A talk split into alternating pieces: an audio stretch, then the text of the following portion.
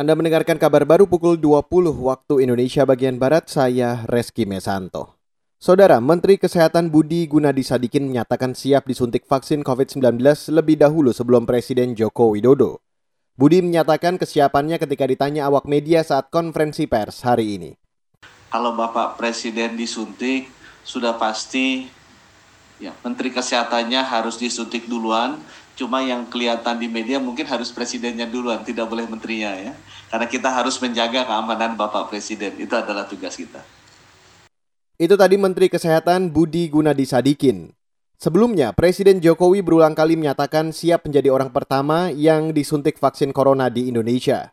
Program vaksinasi COVID-19 di Indonesia akan dimulai Januari mendatang, di mana sekitar 1,3 juta tenaga medis akan didahulukan mendapat suntikan vaksin. Awal bulan ini Indonesia sudah mendapat kiriman 1,2 juta dosis vaksin buatan Sinovac dan rencananya kiriman kedua akan tiba di Indonesia pada Kamis besok sebanyak 1,8 juta dosis vaksin.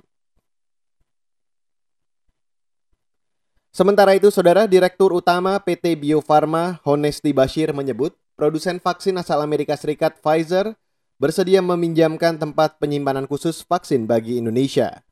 Honesti Bashir mengatakan vaksin Pfizer dan BioNTech sudah masuk jenis daftar vaksin yang akan digunakan Indonesia pada program vaksinasi tahun depan. Dan memang uh, model kerjasama yang kita lakukan dengan Pfizer, mereka itu akan meminjamkan storage khusus yang ultra low temperature itu, itu ke daerah yang memang memungkinkan untuk diberikan vaksinasi. Jadi khusus Pfizer ini memang kita harus selektif, kita juga harus hati-hati untuk memilih lokasi-lokasi di mana lokasi itu memang siap untuk uh, dilakukan pemberian vaksin Pfizer ini. Direktur Utama PT Bio Farma, Honesti Bashir mengatakan, penyimpanan vaksin akan menjadi tantangan bagi Bio Farma terutama untuk vaksin COVID-19 buatan Pfizer yang membutuhkan suhu penyimpanan hingga minus 70 derajat Celcius. Indonesia menyatakan telah mendapat komitmen 50 juta dosis vaksin dari Pfizer. Selain itu, Indonesia melalui Bio Farma juga telah menyepakati pembelian 100 juta dosis vaksin buatan Novavax dan AstraZeneca. Kita beralih ke informasi olahraga, Saudara Pengurus Besar Persatuan Bulu Tangkis Seluruh Indonesia atau PBPBSI memutuskan menyewa pesawat untuk mengirim tim guna mengikuti turnamen bulu tangkis bergengsi pada Januari mendatang.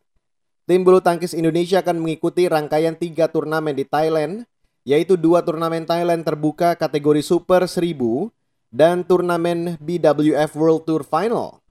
Dengan kondisi tersebut, tim badminton Indonesia bakal berada selama sebulan di Thailand.